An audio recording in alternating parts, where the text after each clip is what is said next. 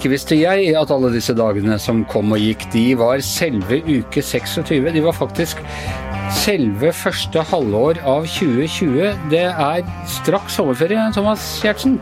Hei, Anders. Hallo. Du, er, du sitter i sommerlige omgivelser. Jeg er rett og slett på hytta. Pent kledd på hytta, må jeg si. Ikke sant? Jeg har tatt på meg blå skjorte. Vi skal uh, intervjue Jens Stoltenberg, og da viser jeg nødvendig respekt. Ja. Har du på deg shorts? Altså, Hva jeg har på under bildekanten, Anders, det, det er jo som å spørre meg om jeg har på meg en fin underbukse, liksom. Det har ikke noe med saken å gjøre. The mind boggles, som de sier. Ja, Men det er jo ikke så farlig. Du kan jo fortelle meg bare om du har på deg shorts. Er du sånn sånn, sånn TV-oppleser som sitter i De sitter visstnok i, i shorts når det er veldig varmt da, på Dagsrevyen og sånne ting, men så ser vi dem bare med jakke og slips. Altså, Det jeg kan garantere, er at jeg skal ikke belemre toppsjefen i Nato med mine legger. Det kan jeg garantere. Verken visuelt, og jeg skal heller ikke snakke Nei. om dem. Så rent for all practical purposes, kan man si, så sitter du i langbukser? det, det, er helt riktig. Jo, men... Hvis du bare ikke snakker om det, så blir det ikke noe mental lekkasje på hans side heller. Da tenker han bare at uh, jeg har kanskje Det kan jo hende at jeg får sånn shorts-tourettes som, som, du hadde da vi gikk inn til statsministeren, hvor du ikke klarte å la være å begynne å spørre statsministerens kommunikasjonssjef om dette med, med shorts på, på veien. Kan hende jeg får det nå? begynne å spørre Stoltenberg syns det er greit at Thomas sitter der i shorts? Men det må du ikke gjøre. Vet du hva, Helt seriøst, jeg kjenner på et slags alvor, jeg. Ja. Ja, det er altså, en alvorlig stilling. Ja, men det er det, og sånn som verden er nå, så tenker jeg at uh, da må det ikke gå noe gærent her. Nå må ikke vi rote det til. Nei.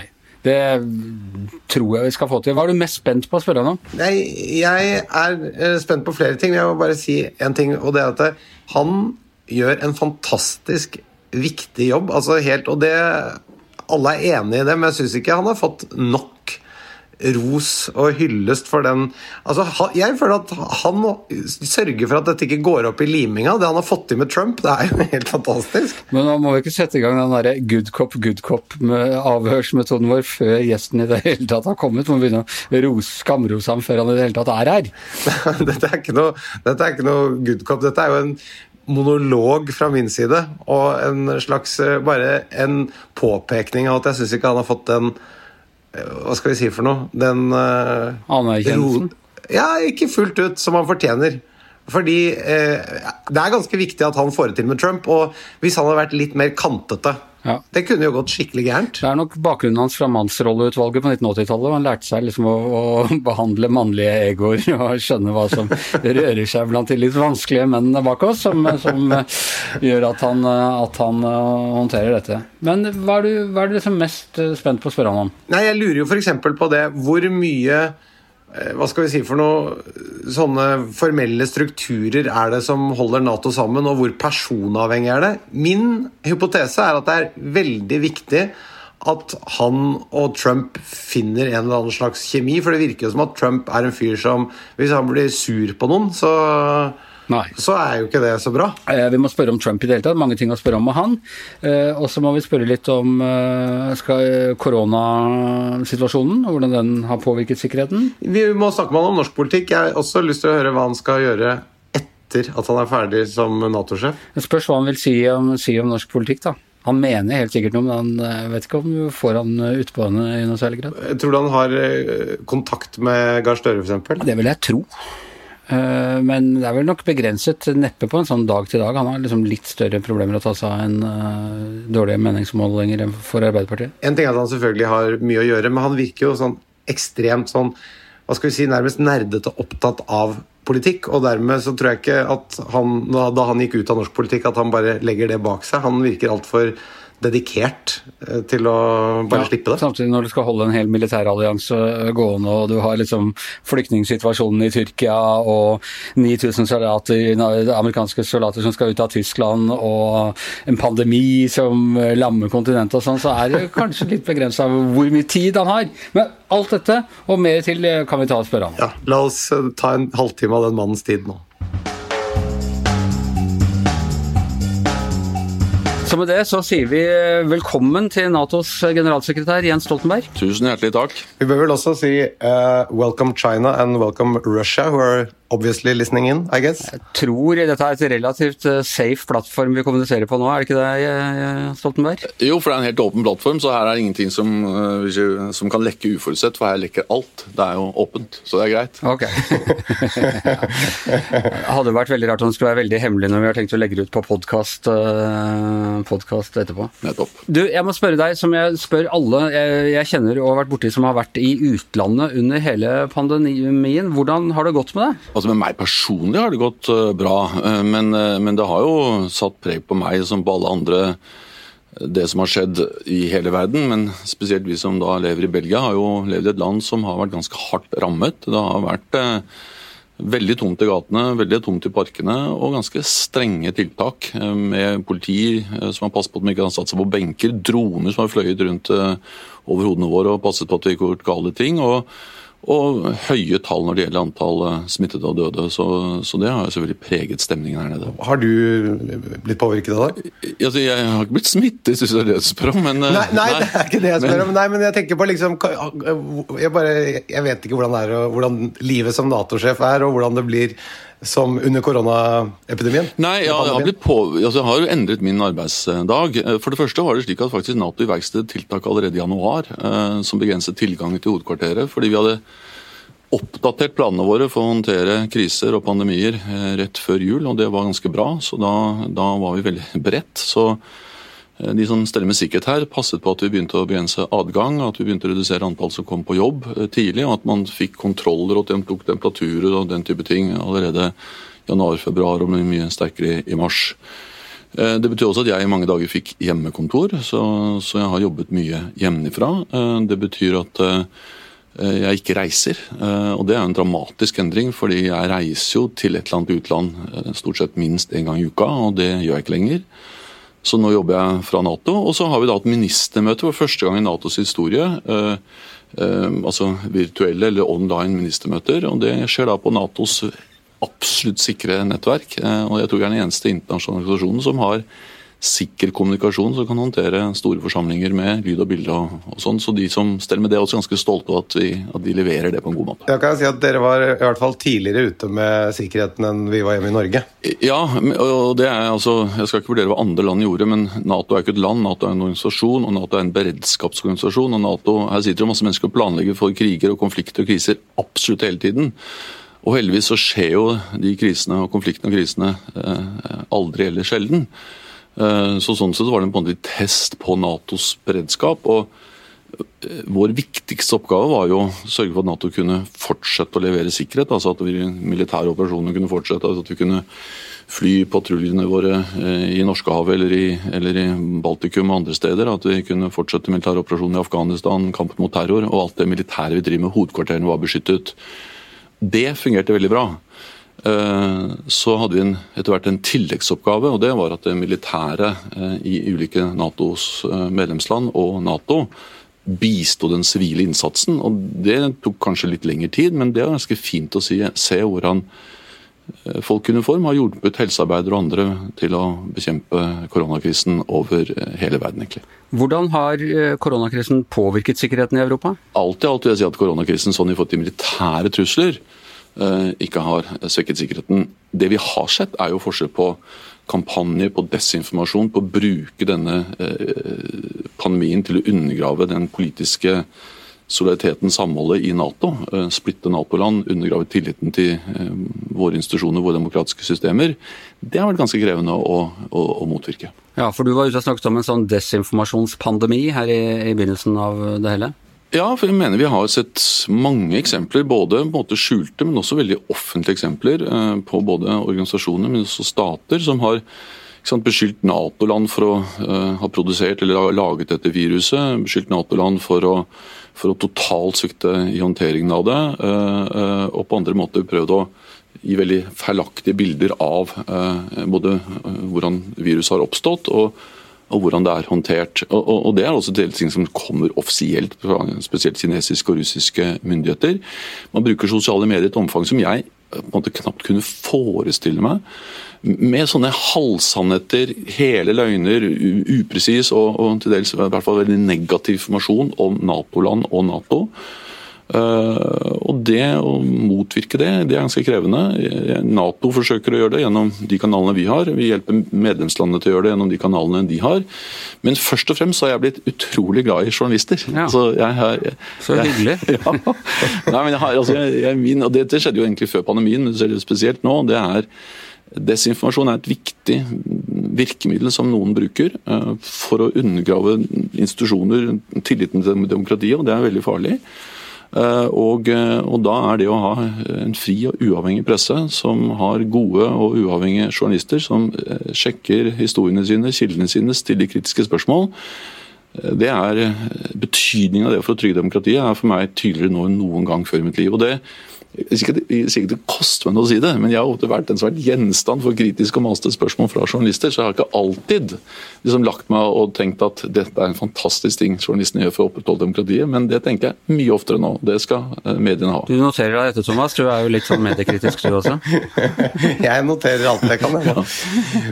Men eh, det ville vel vært bekymringsfullt hvis det hadde spredd seg smitte inn i militæret og, og styrkene hadde blitt smittet. Det kunne vært farlig, kunne ikke det? Ja, det hadde i hvert fall vært eh, undergravet vår beredskap. men Derfor er jeg stolt av den måten Nato som Nato har håndtert det på. altså Den måten vi hadde beskytte Mennesker som bor tett på militærleire, mennesker som opererer eh, tett på våre skip og på, på, på våre fly.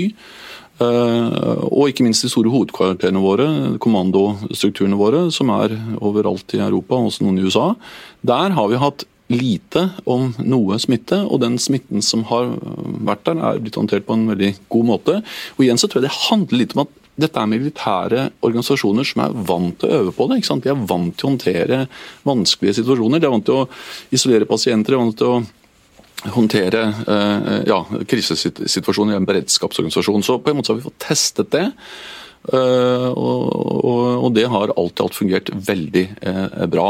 Du, vi må snakke litt om uh, Trump, for jeg vet ikke hvordan det er i, i Brussel, men her er vi veldig veldig opptatt av Donald Trump for tida. Og du er jo en av de som i Europa, av ledere i Europa som faktisk har kommunisert relativt greit med Donald Trump. Så vi, altså jeg lurer egentlig på alt når det gjelder Trump. Hvordan er han? Hvordan opplever du han når du, du møter han?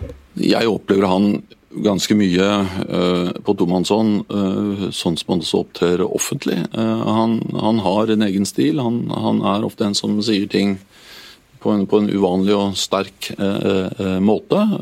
og, og gjør også det når vi prates, han og jeg.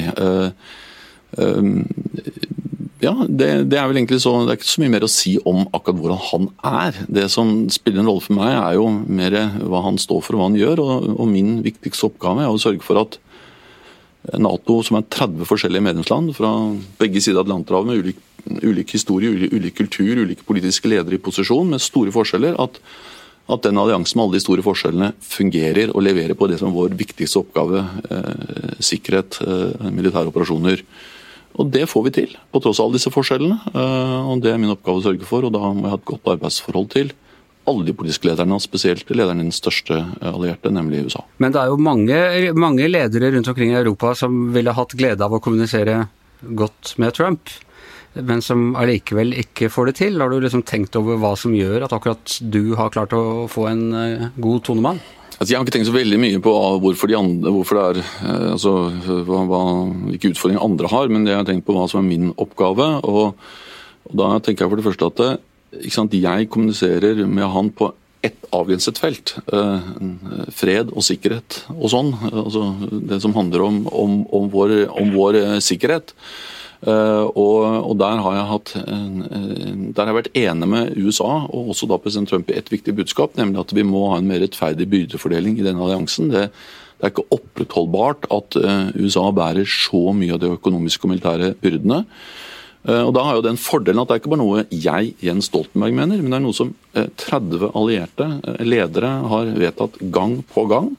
Og Derfor har jeg hatt et klart mandat til å bidra til at de nå tar en del, større del av byrden. Og så har jeg ganske gode tall som jeg da presenterer for han med plansjer og grafer og oppstillinger som gjør at han nå også erkjenner at europeiske Nato-land og Canada faktisk betaler mer. Og Det gir han også uttrykk for. at det, at Europa nå betaler mer, og det gjør at jeg har et, sånn sett et positivt budskap. Altså Glasset er nå mye mer halvfullt enn halvtomt. og, og det, det, er sant, og det er også et budskap som president Trump liker. og Derfor er det et, noe som gjør at det er lettere å jobbe på det området. Jeg må bare si jeg er veldig glad for at du uh, har funnet tonen med han. Uh, men jeg, jeg lurte på det fordi han sa jo Han har vel kalt deg sin største fan. Og da bare lurte jeg på, Blir du stolt eller flau når han sier det? Min oppgave er å sørge for at jeg har et godt arbeidsforhold til alle lederne, eh, også den amerikanske, og det har jeg. Eh, eh, vi hadde en samtale nå for en ukes tid siden, og da igjen var han opptatt av å understreke dette at landene må bidra mer, og de, så sier jeg at de bidrar mer.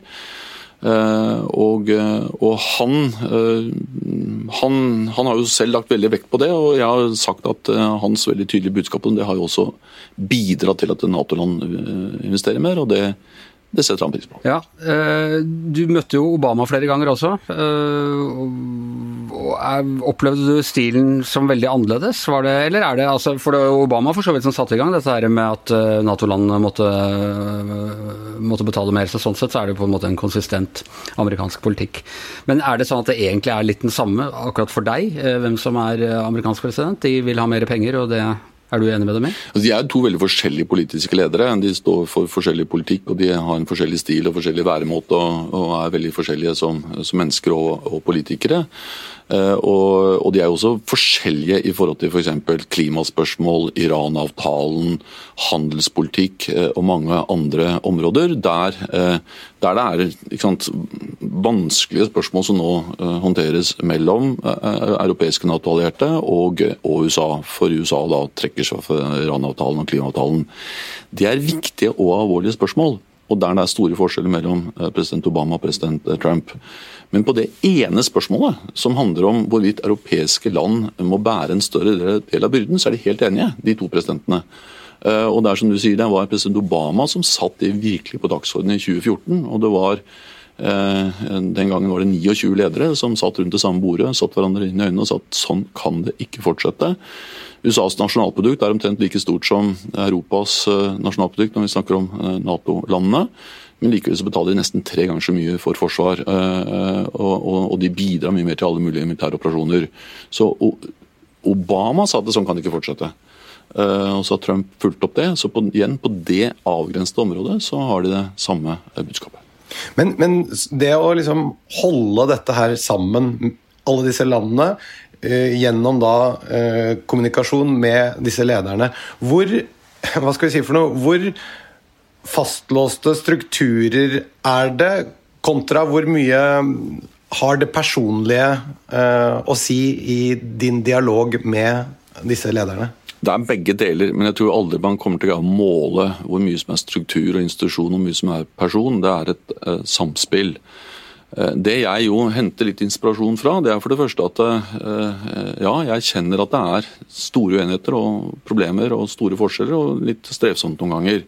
Men henter inspirasjon dels fra at vi har hatt store uenigheter internt i Nato før. altså Helt tilbake til Suez-krisen i 56. De som ser på denne serien Crown, så hvor ille det var mellom USA og, og, Storbritannia og Frankrike den gangen. Eller da Frankrike trakk seg ut av det militære samarbeidet på 60-tallet. Da tror jeg det var god stemning i Nato. Eller Irak-krigen som splittet Nato-land veldig. Så vi har hatt stor uenighet før, og likevel har Nato-land alltid greid å samle seg om det viktigste at vi på tross av forskjellene likevel beskytter og forsvarer hverandre. Og Det andre jeg henter inspirasjon fra, det er faktisk at selv om det er veldig forskjellige problemstillinger, så er jo det å altså jeg, var, jeg var statsminister i ja, ti år, og jeg forhandla med forskjellige, både internt i partiet og mellom ulike partier. og sånn, og Det er den samme ting det handler om. Det handler jo om å liksom, få litt uforenlige standpunkter, litt uforenlige personer til å finne felles løsninger. og Noen ganger så tar det lang tid, andre ganger så tar det kort tid. Noen ganger så må man bruke litt sterk stemme, andre ganger så er det bedre med litt, hva skal si, litt mer myk stemme. Men, men, men, de erfaringene eh, de drar jeg veksler på. Eh, og, og, og, så det å ha vært politiker det er nyttig når, man, når jeg har den jobben jeg har nå. Hva, hva var vanskeligst, å holde Europa eller de rød-grønne samlet? Det er helt, helt, helt usammenlignbart. Så jeg, finner, jeg har ikke noen målestokk for å måle det. Men altså, noen ganger så savner jeg Carl Erik Skjøtt Pedersen, for han var jo han var den, Som var din stabssjef? Ja, ja, så jeg satt han på det. det faktisk, jeg har, jeg har faktisk en Carl Erik Skjøtt Pedersen her òg. Jeg har en stabssjef her også som gjør veldig mye av jobben.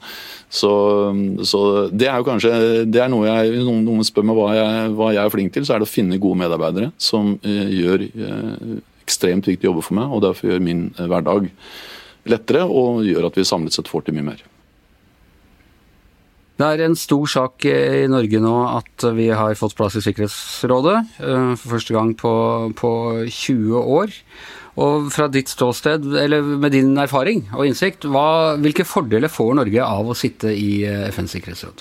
Så Først vil jeg si lykke til til eh, Norge. Jeg hadde jo den utfordringen at det var jo to Nato-land, Canada og, og, Norge, som konkurrerte om, om, den samme plassen. Eller tre land, Irland var en av dem, men to Nato-land var jo på på prosessen. Men, eh, men, nå kan jeg i hvert fall si lykke til til Norge, og, og det blir spennende og det blir viktig. Ehm, jeg, har jo, jeg var med, jeg var statsminister da jeg ble valgt sist gang, eh, høsten 2000. Eh, eh, og Det opplevde vi som en veldig stor ting. Akkurat som jeg tror man opplever som en veldig stor ting i dag. Det kom jo hverdag med lange møter og vanskelige problemstillinger og, og sånn. og det er jo ikke slik at Men, men det gir Norge en, en, en, plattform. Det gjør at Norge blir eh, enda eh, mer interessant for andre land.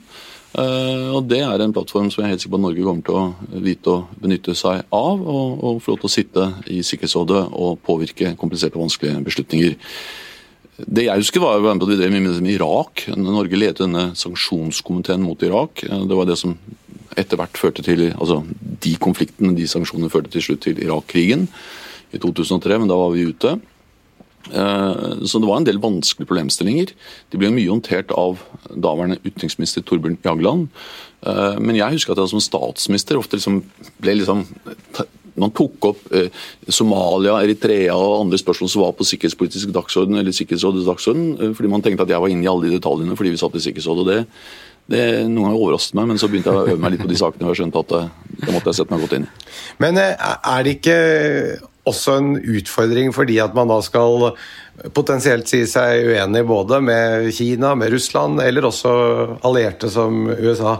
Eh, jeg blir litt nervøs av tanken. fordi at eh, Forrige gang vi bare ga en fredspris for en som kjempet for menneskerettigheter, så ble vi jo i fryseboksen eh, av Kina i lang tid. Så hva tenker du om, om det? Altså det? En ting er at det er greit å posere med sånn moralsk og, og riktige og fine standpunkter, men, eh, men er, det, er det noen eh, hva skal vi si for noe mer sånn reelle eh, sikkerhetsmessige utfordringer eller handelsmessige utfordringer knyttet til en sånn rolle? Jeg skal være forsiktig med å si hvordan det er i dag, men jeg opplevde ikke at det var et stort problem den gangen i 2000-2001. Da, da, da, jeg altså, var statsminister i en regjering i et land som satt i Sikkerhetsrådet. Eh, jeg, jeg, altså, jeg, tror den fredsprisen som ble utdelt i eh, 2009, det, det, var en mye mer dramatisk ting eh, i forholdet mellom Kina enn det jeg opplevde at vi var oppe i noen gang i forhold til noen stormakt eh, i den tiden jeg fulgte Norge i Sikkerhetsrådet for 20 eh, år siden. Så, så jeg, og tross alt må jo Norge også mene noe om en del eh, internasjonale spørsmål, selv om ikke sitter i Sikkerhetsrådet.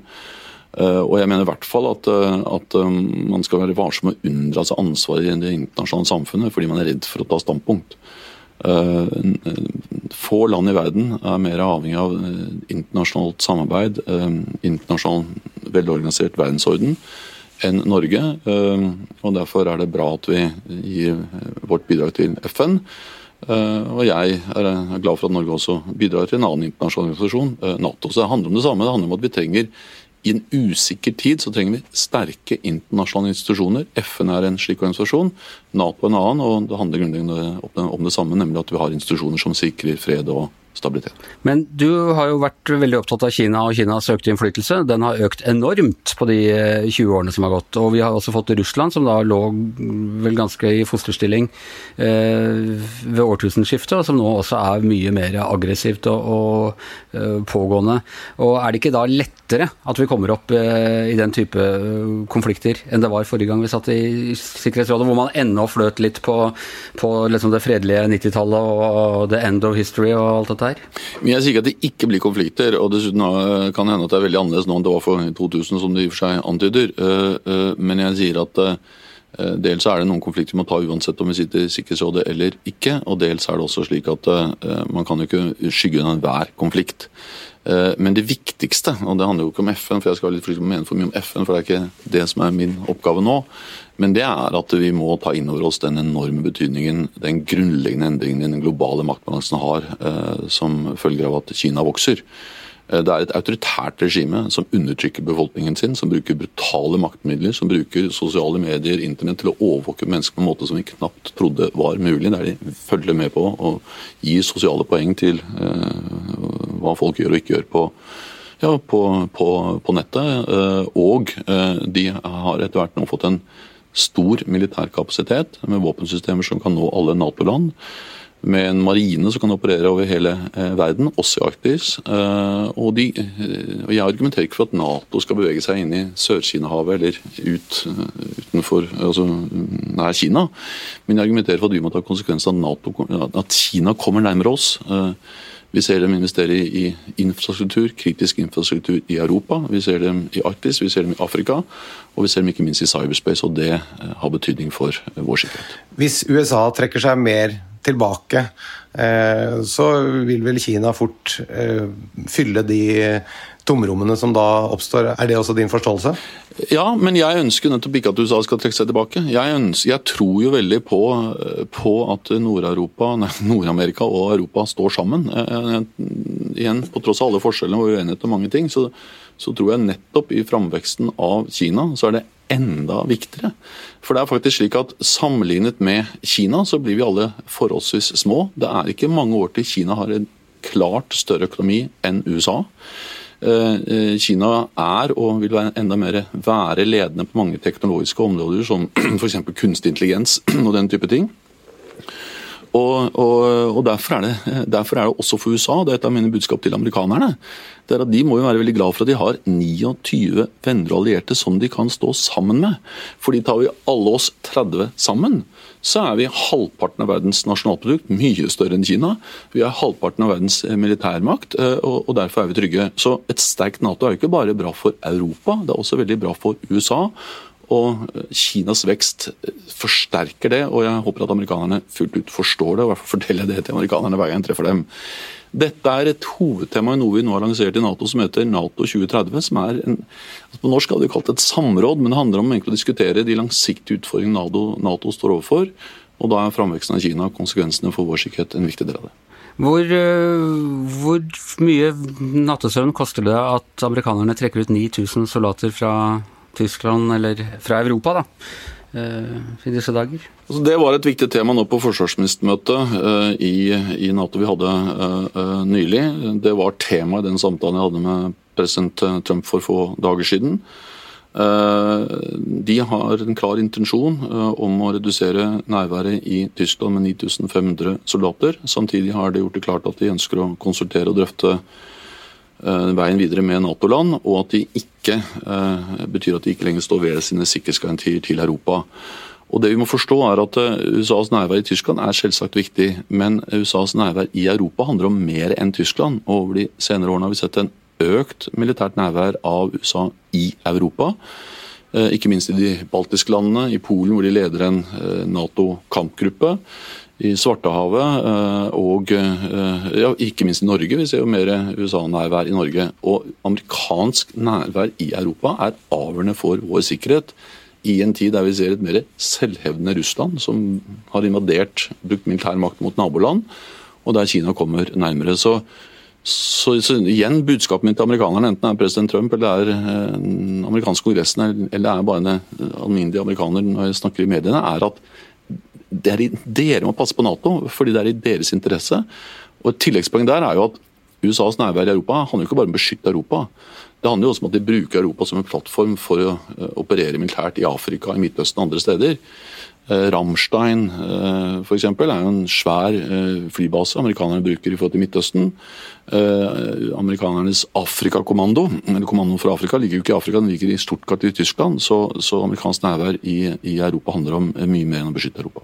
Du, uh, hvor mye vi går litt mot slutten her, men hvor mye rekker du å følge med på norsk politikk? Eller hvor, hvor mye følger du med på norsk politikk etter et langt liv i norsk politikk? Nei, jeg følger med uh, uh, fordi jeg har glede av det. Og, og, det er jo fordelen med, liksom, med å leve i den tid hvor alt er på nettet. så jeg jeg prøver å lese et par aviser om, om natta, eller om kvelden. Jeg, altså, jeg, har lagt meg. Uh, og Det er, sånn, det er litt sånn juks eller underholdning, liksom, føler jeg. Og, og jeg leser de avisene på en måte, for det angår ikke meg. Jeg behøver ikke å reagere eller gjøre så mye. men jeg, jeg prøver å følge med, og Så hører jeg litt på, på radio, og så hører jeg på dere. Uh, det, det, har jeg glede av. Det er glad for å høre på. Ja, går, I helgene så går jeg noen turer, og da hører jeg ofte på, uh, på dere. for dere, ja. Så, men så Men så er det hull. For jeg merker at jeg ikke følger med på samme måte. Jeg følger ikke med fra morgen til kveld. Eh, jeg får med meg noen innslag, men ikke andre innslag. Så jeg har jo svære hull. Mens jeg, før jeg forlot Norge, tror jeg var ganske sånn oppdatert på alle saker hele tida. Eh, så merker jeg når jeg snakker med norske venner og sånn, at jeg plutselig ikke har fått med noe helt vesentlig. Så, så, så det, er, det, er, litt rustent, og det er litt hullete, min kunnskap om norsk politikk. så det er mer for min egen del at jeg følger med, ikke fordi jeg tror jeg egentlig kan eh, bidra så mye. Snakker du f.eks. med Jonas Gahr Støre på telefon og diskuterer og spør hvordan det går og sånn, eller? Altså, Jeg har mange venner i politikken, og Jonas er en av dem. Eh, og mm, Jeg snakker kanskje ikke så mye på telefonen, men når jeg er i Norge, nå er det eh, ganske lenge siden på denne koronapandemien, så treffer jeg jo norske venner, også venner fra politikken, og da prater vi politikk. Men igjen, jeg merker jo at de ligger foran meg i kunnskaper. De kan mer om detaljer. Det, de, jeg er veldig god for å fortelle om hva som skjedde fram til 2014. Da har jeg knallharde meninger eh, eh, om hva som er riktig og galt og sånn da. Eh, men jeg er ikke like god på å gi like sterke meldinger om det som holder, skjer i dag. Når, når du er ferdig i Nato, er det helt uaktuelt for deg å gå tilbake igjen til norsk politikk? Altså, Jeg har overhodet ingen planer om det. og Da er jeg jo noen og 60 år. Eh, og, eh, og Ti år yngre enn den amerikanske presidenten. Ja, men likevel. likevel. Men altså, jeg er jo, jeg er jo sosialdemokrat, eh, så jeg mener jeg, jeg, altså, jeg, kommer, jeg, kommer, ikke til å slutte å være et politisk menneske, men altså, jeg kommer ikke til å være i toppolitikken og, og være sånn som jeg var i politikken i gamle dager. Har du tenkt noe på hva du skal gjøre når du er ferdig? da? Nei, Jeg aner ikke hva jeg skal gjøre når jeg er ferdig, eh, og jeg tenker eh, lite på det. og Det er også fordi at eh, dels fordi jeg mener at det aller beste jeg kan gjøre, er å bare tenke på den jobben jeg skal gjøre her i Nato. Det er tross alt en del tid igjen her. Og det andre er at jeg tror det er noe med at Når du begynner å tenke for mye på neste jobb, så gjør det noe med psyken din. Så, så min erfaring Jeg har levd et langt liv i politikken. Jeg har egentlig ikke visst hva jeg skal gjøre om noen år, for det har alltid vært usikkerhet om valg og gjenvalg og sånn. Men konsentrer deg om den jobben du har, fokuser på den, og så skjer det noe spennende rundt hjørnet. Du, helt til slutt, Thomas, jeg har en sånn liten serie, eller en liten sånn folkeopplysningskampanje. Vi prøver å få folk til å putte penger tilbake i økonomien etter koronapandemien. Så vi pleier å diskutere og spørre alltid gjesten vår om hva, har, hva, han eller hun har kjøpt i løpet av uka som gikk, for å stimulere til vekst i økonomien. Har du kjøpt noe du vil dele? Ja, altså jeg er så utrolig heldig at jeg har gjort noe veldig politisk korrekt. Jeg har kjøpt elsykkel til Ingrid. Eh, ah, det, det, til kona di? Ja, til kona mi. Og, og, og det, jeg kjøpte ikke den fordi jeg visste jeg skulle hit, men det var fordi at hun hun har lyst til å sykle mer i Brussel. Og derfor har vi bidratt til å stimulere belgisk økonomi. Og vi skal faktisk hente den i dag. Vi var og kjøpte den for noen dager siden, og nå har den skrudd den sammen og satt den opp. og så skal hun sykle på elsykkel. Ja, Men har du elsykkel allerede, eller?